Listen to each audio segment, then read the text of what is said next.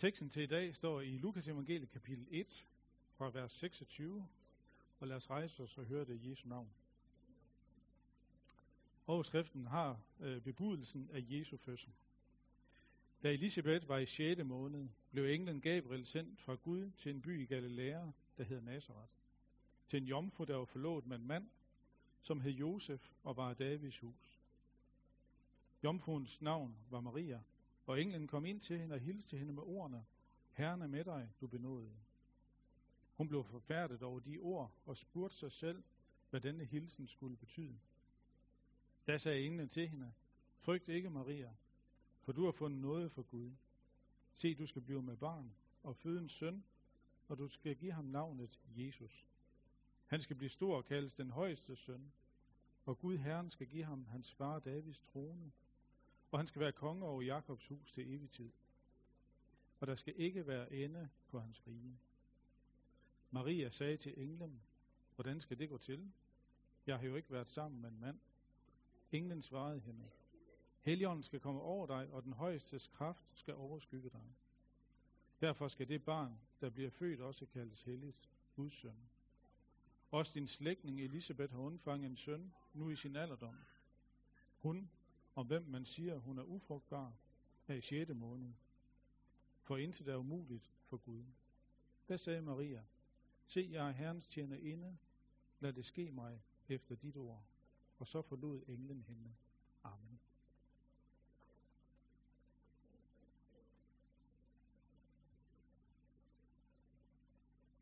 Jeg tror, der er nogle mænd, der i deres karriere som mand har kløet sig selv i håret og tænkt ved sig selv, det var lige godt utroligt.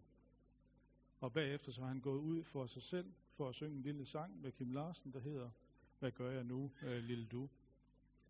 Og øh, det er jo efter, at de har fået at vide, at de skal være forældre. Og selv øh, garvede sportsstjerner øh, fortæller jo i 2019 om, hvor fantastisk stort og banebrydende det er i deres liv. Øh, den beretning, vi hører om her i dag, den foregår jo ude, langt ude på landet, ude i provinsen, i en lille by, Nazareth i Galilea. Og den her beretning, den er så speciel, som mange mennesker gennem tiden, de har ment, at det er sådan en uh, utrolig, fantastisk historie, så man er nødt til at komme længere ud på landet med den, øh, fordi den er så fantastisk, at den ikke er til at tro på. Det utrolige, det er sådan set i den her sammenhæng ikke, at vi hører om en engel, der hed Gabriel. Og heller ikke, at vi hører om en ung kvinde. For dem, som er fortrolige med det, den gamle testamentlige historie, altså Israels historiebog, så fortælles der flere gange derom, hvordan der kommer en engel og forudsiger fødslen af et barn. Det utrolige, eller det såkaldt utrolige i den her historie, det er, at øh, det er en fortælling om Maria, der var forlovet med Josef, og de havde aldrig været i seng med hinanden. Og så får hun at vide, at hun om ganske kort tid, inden for meget kort tid, inden hun bliver gift, der bliver hun gravid. Hun får at vide, at øh, der sker, kommer til at ske noget inde i hendes livmor, nemlig at hun øh, skal undfange et barn, der skal komme et nyt liv. Det skal ske uden mand, uden fertilitetsbehandling og uden insemination. Det vi får høre her, det er ikke ligesom man hører for eksempel i myterne om, at man har nogle guder og nogle mennesker, øh, menneskenes kvinder, at de har sex med hinanden, og så fødes der en halvgud. Det vi hører om her i det nye testamente, det er fortællingen om en ung, fuldstændig ukendt kvinde ude på landet, der bliver gravid, øh, der får et nyt liv i sin livmor på en helt naturstridig måde. I det nye testamente, så er det her, øh, fortællingen om det her, det er fortalt direkte kun af to øh, forfattere, nemlig Lukas og Matthæus. Det spørgsmål, man sådan øh, hurtigt kommer til, det er, kan man overhovedet tro på det, som bliver fortalt her i det nye testamente? Her i vores tekst, der står der meget tydeligt, hvornår det skete. Det skete nemlig, da Elisabeth, øh, som var Marias slægtning, hun var i 6. måned i graviditeten. Og det fortælles også, hvor det skete henne. Det skete ude i en lille landsby, Nazareth. Men vores tekst her, sådan som Lukas han fortæller den, den er godt, der er han godt klar over, at der er et brud med naturloven. Ja, faktisk så ligger det også ud over, hvad jøderne øh, almindeligt kunne forstå om Guds suverænitet. Men selvom det kun direkte er fortalt hos øh, Matthæus og hos Lukas i det nye testamente, så bygger hele det nye testamente faktuelt på, at det rent faktisk er sket. At der er en kvinde, som aldrig øh, har været, haft seksuelt sammenkvem med nogen som helst. At hun undfanger et barn i sin livmor. At hun føder det her barn, og at han får navnet Jesus. Hele det nye testamente øh, bygger på det her, at den person, der hedder Jesus Kristus, som der fortælles om, det er ham, der kom til verden på den måde. Man kalder det også øh, for jomfrufødslen, at vi også, at Jesus han er undfanget og født af jomfru Maria. Hvis man går hen til Matthæus, øh, som har det første evangelium i Nytestamentet, så fortæller han, at øh, det her, der sker lige nu, det er ikke det, som mange mænd har tænkt, når de har kløet sig selv i håret og tænkt, hovsa, hvad skete der lige her? Det havde jeg ikke lige styr på. Men det, han fortæller Matthæus, at jomfrufødslen, det var en opfyldelse af en profeti, af et løfte fra det gamle testamente, som blev givet cirka 700 år før Jesu fødsel. Det finder vi i øh, Esajas' bog, kapitel 7, vers 14, hvor det fortælles om, at der er en ung kvinde, og det betyder en ung kvinde, som ikke har haft seksuelt samkvem, Hun skal blive gravid og føde en søn. Derfor det siger Matthæus direkte, at det er en opfyldelse, mens Lukas han her henviser til det indirekte. Så det, som vi læser om her i dag, det hænger meget sammen med, det hænger fuldstændig sammen med det gamle testamente. Og det er fortalt, fortalt meget konkret med tids- og stedsangivelse. Det har haft så stor betydning, det der blev, øh, vi har læst om her i dag, at man sidenhen i det, vi kalder de tre fælles trosbekendelser i kirkehistorien, har set det så vigtigt og så væsentligt for den kristne tro, at man ligesom siger, at den kristne tro også er en tro på jomfrufødslen. Den øh, trosbekendelse, vi har øh, sagt sammen her i dag, det er den apostolske trosbekendelse som er fra cirka år 200. Sidenhen så lavede man en anden trosbekendelse, en almen trosbekendelse i Nikea, som vi kalder den nikenske i 325. Og sidenhen så lavede man den athanasianske trosbekendelse i 435. Alle tre de her fælles trosbekendelser, som vi bygger vores kirke på i dag, de øh, fortæller om, at Jesus, han er kommet til verden af en jomfru. Så det, som øh, vi får at vide her, det er, at øh, der er ikke, der, det, det, der fortælles om her i teksten i dag, det er ikke, at Gud og Maria, de har seksuelt samkvem, og at Jesus han er sådan en halvgud, der bliver født. Der er heller ikke tale om, at der bliver skabt et nyt liv i Marias livmor.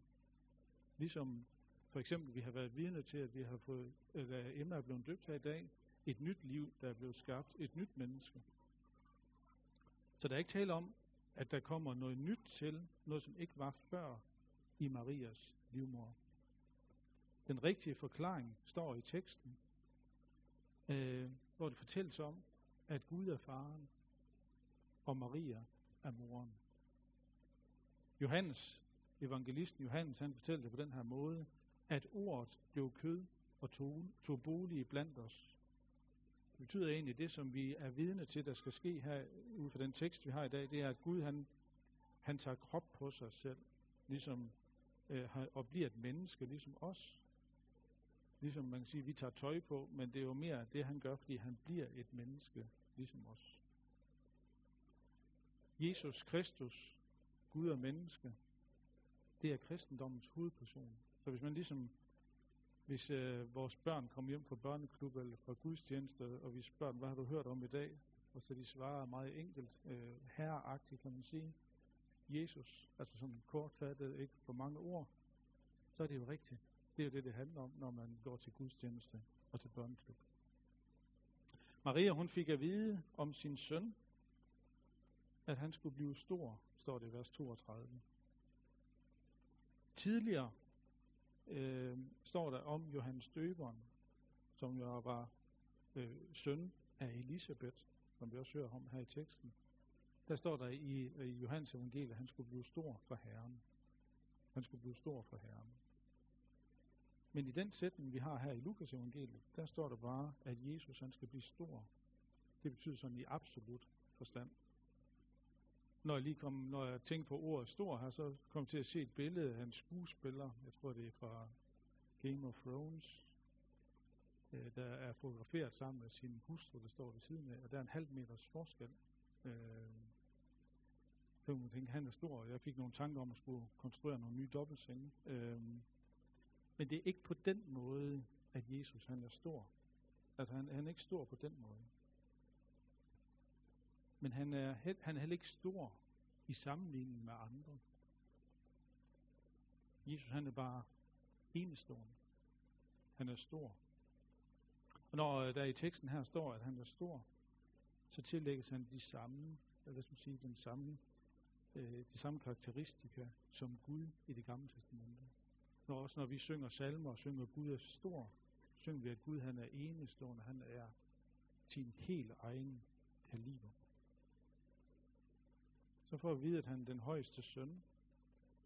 Og, øh, når, og det står flere gange i øh, Lukas evangeliet her. Når der står, at det er den højeste søn, så er det typisk sådan en jødisk omskrivning for Guds navn. Så Jesus er Guds søn. Så Jesus stamtræ, det ser sådan set lidt øh, specielt ud. Det, der er ikke andre, der har et stamtræ, ligesom Jesus. Fordi hvis nu man tager, øh, at man har Jesus her, og så går ud på mors side, så kan man jo sige, så kan man svare på, hvad hedder mormor og morfar, og oldemor og oldefar, de forskellige forgreninger.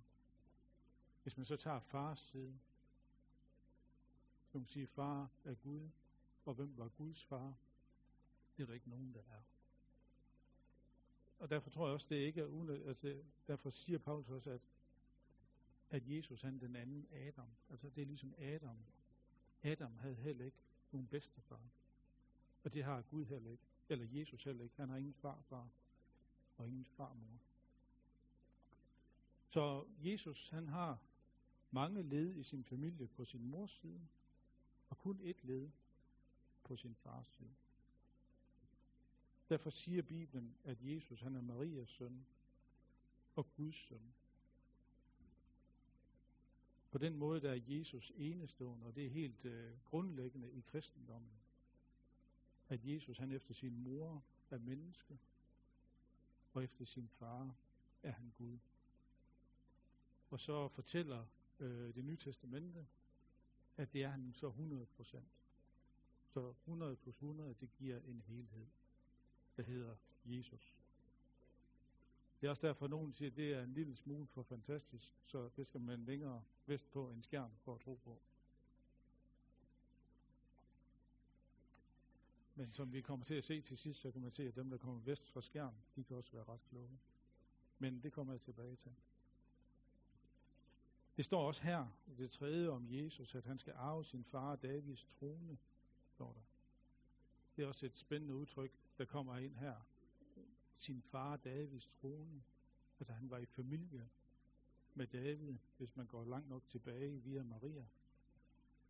Israels største konge hed David, og han fik en profeti af profeten Nathan, som står i 2. Samuels bog, kapitel 7, hvor øh, Nathan han sagde fra Gud til David, når du er død, så, så vil Gud sørge for, at dit kongedømme skal bestå til evig tid. Da David han øh, var død, og hans søn Salomo blev konge i stedet for ham, så byggede øh, Salomo et tempel i Jerusalem, det første tempel. På den måde der opfyldte han dele af den her profeti. Men han opfyldte ikke hele profetien. Så han, og her der knyttes profetien så til Jesus. At Jesus han skal være opfyldelsen af det kongedømme, som blev etableret med David tilbage øh, tusind år før, øh, før Jesu fødsel. Og det kongedømme, det opfylder Jesus nu. Han skal være konge uden ende. Apostlen Peter, han sagde det samme i en tale på første pinsedag. Han sagde sådan her.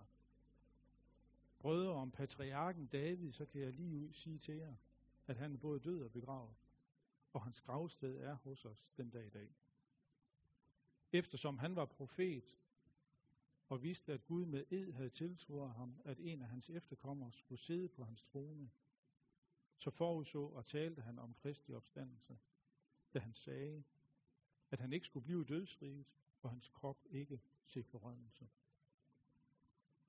At Jesus han opstår, det ved Maria ikke nu, for hun ved slet ikke, at han skal dø på den måde.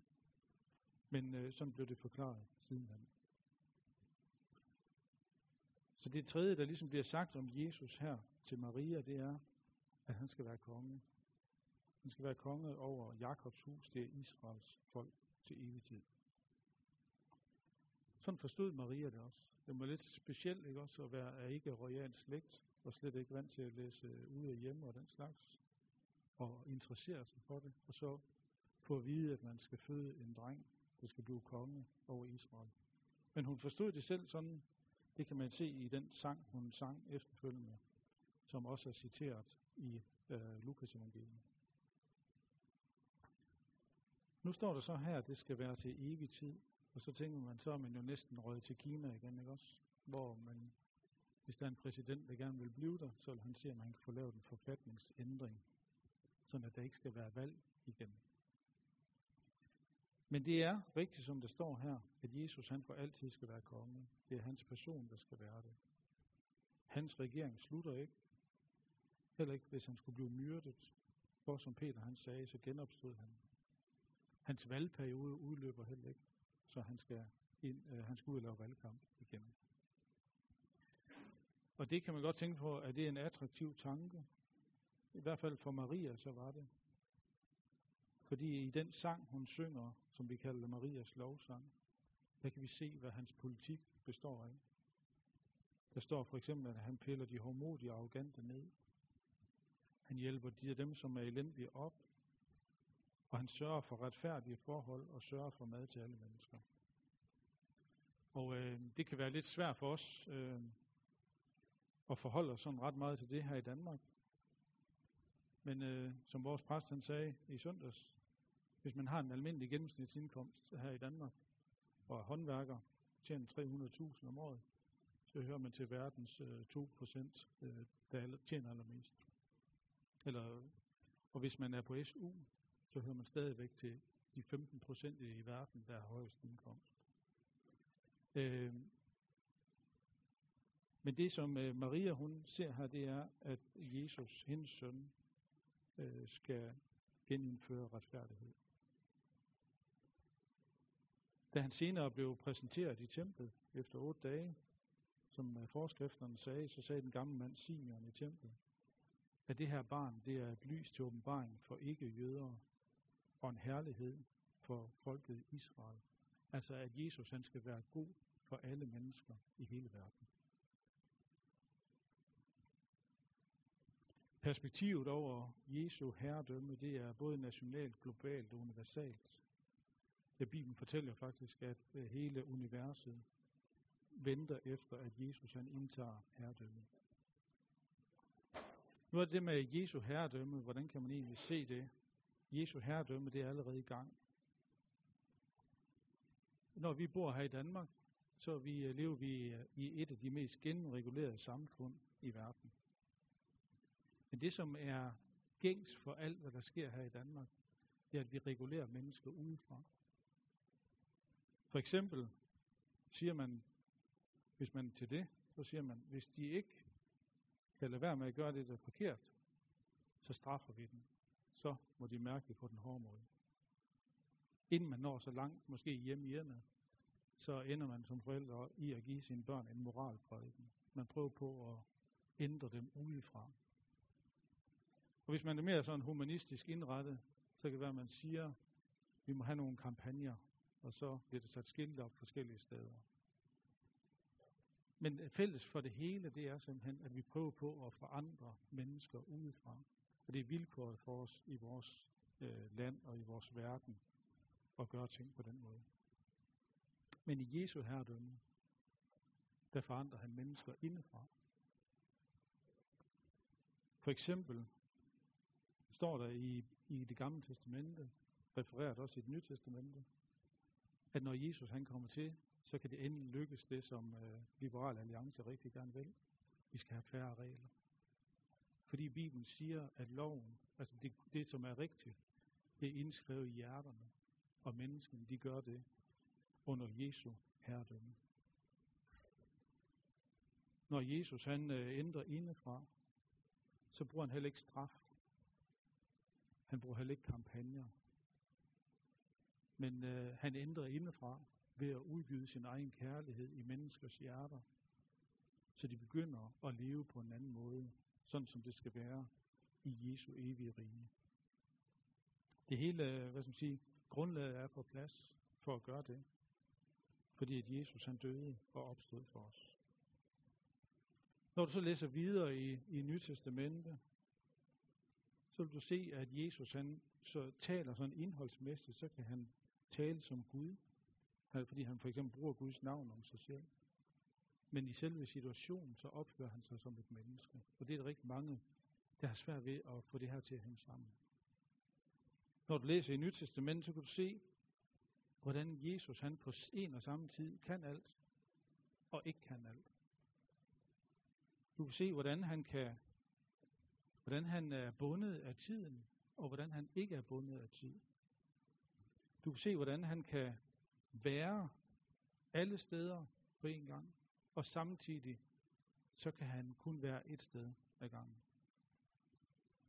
Du kan se i det nye testamente, hvordan Jesus han i sig som person ikke ved alt og ved alt.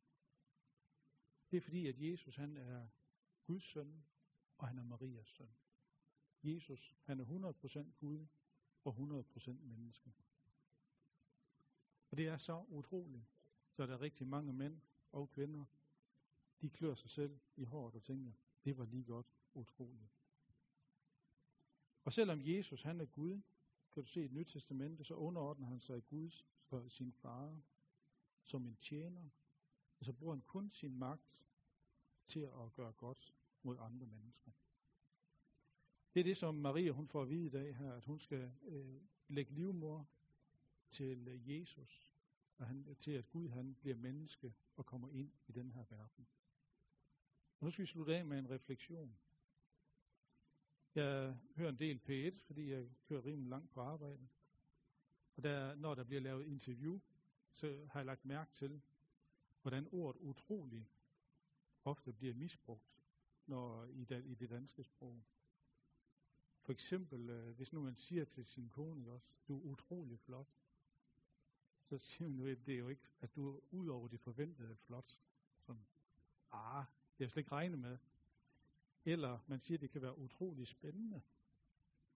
Men når vi bruger det på den måde, så, siger, så betyder det egentlig bare meget. Meget.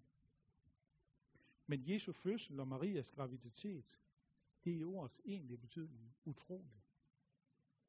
Altså det er uden for den dagligdags erfaring.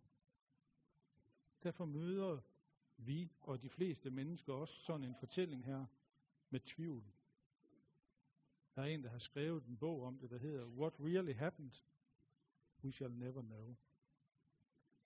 Præsten Zacharias, som var øh, mand eller ægte mand til Elisabeth, og de blev så forældre i meget høj alder. Det var egentlig dejligt at være pensionist, så man ikke behøver at tænke på daginstitution. Øh, han mødte også øh, forudsigelsen om, at hans hustru skulle blive gravid i en meget høj alder med tvivl. Og det er, jo, det er jo interessant at tænke på, at han gjorde det, fordi nu er han jo så præst, og kendte jo godt det gamle testamente, og i virkeligheden så kendte han jo godt en parallel historie til det, han selv oplevede. Nemlig fortællingen om Abraham og Sara, der også blev gravid, hvor hun blev gravid i meget høj alder, efter at der ikke var øh, flere æg at befrugte. Og der, der var der en lille øh, samtale mellem Abraham og, og Gud, på det tidspunkt, hvor Gud sagde til Abraham, intet er umuligt for Herren. Intet er umuligt for Herren. Men alligevel, så var det en fra den religiøse elite, dem der egentlig skulle kende Bibelen, der mødte det utrolige med budskab med tvivl. Og han fik det også at mærke, fordi han blev stum. Så kunne han lære det. Det tror jeg også, han gjorde. Men Jomfru Maria, hun gjorde det på en lidt anden måde. Hun mødte ikke det utrolige med tvivl, men med en undren. Og nu kommer det spændende.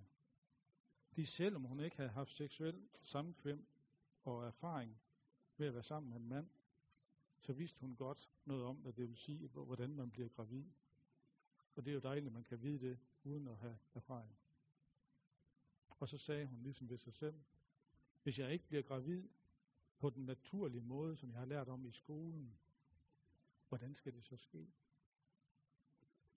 Så det var sådan en undren, hun havde. Og så svarede Gabriel hende, den højestes kraft skal overskygge dig. Og der er vi igen tilbage i Gamle Testamentet Med et ånd, der overskyggede tabernaklet i, øh, i det gamle testamente i ørkenen.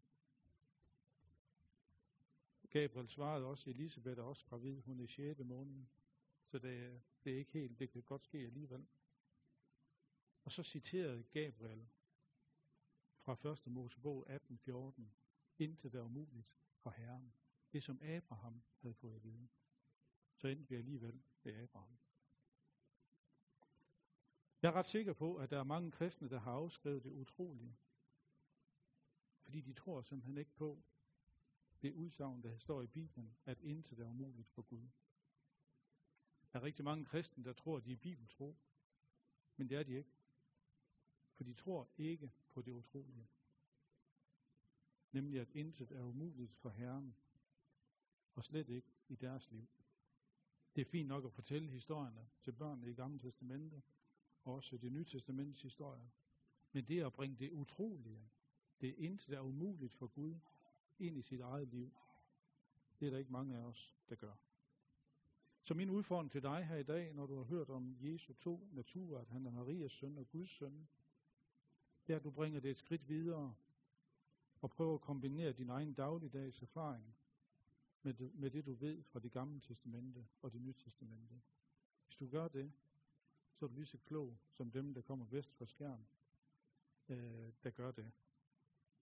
På den måde så bliver Maria vort forbillede, selvom hun ikke var højt uddannet, og hun ikke skriver blogindlæg, så, så bliver hun øh, forbillede for os ved, at hun siger, at fortællingen om Jesus må springe vores erkendelseskapacitet.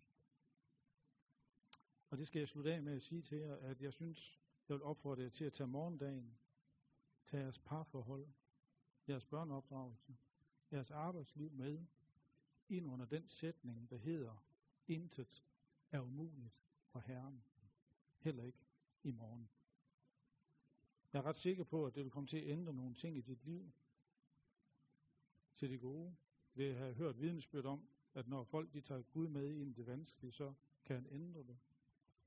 Jeg har også hørt vidnesbyrd om, at Gud han på en anden måde viser, at der er ingenting, der er umuligt for ham. Det er, at han er i stand til at holde dig kørende, selv i meget vanskelige tider.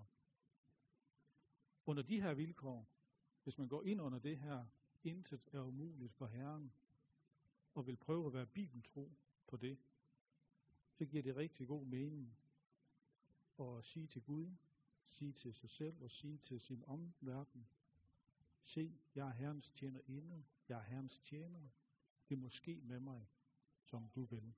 Lad os bede sammen. Kære Gud, takker dig fordi, at det er rigtigt, det som vi læser i Bibelen, selvom mange af tingene er utrolige, og vi ikke kan fatte dem. Vi er ikke i stand til at erkende og forstå. Vi beder dig om, Gud, at ligesom du har hjulpet os ved det utrolige, og det fantastiske og det umulige, så beder vi dig om, at du vil hjælpe os til i vores liv at tage det utrolige og dine under, og at intet er umuligt for dig med i vores. Amen.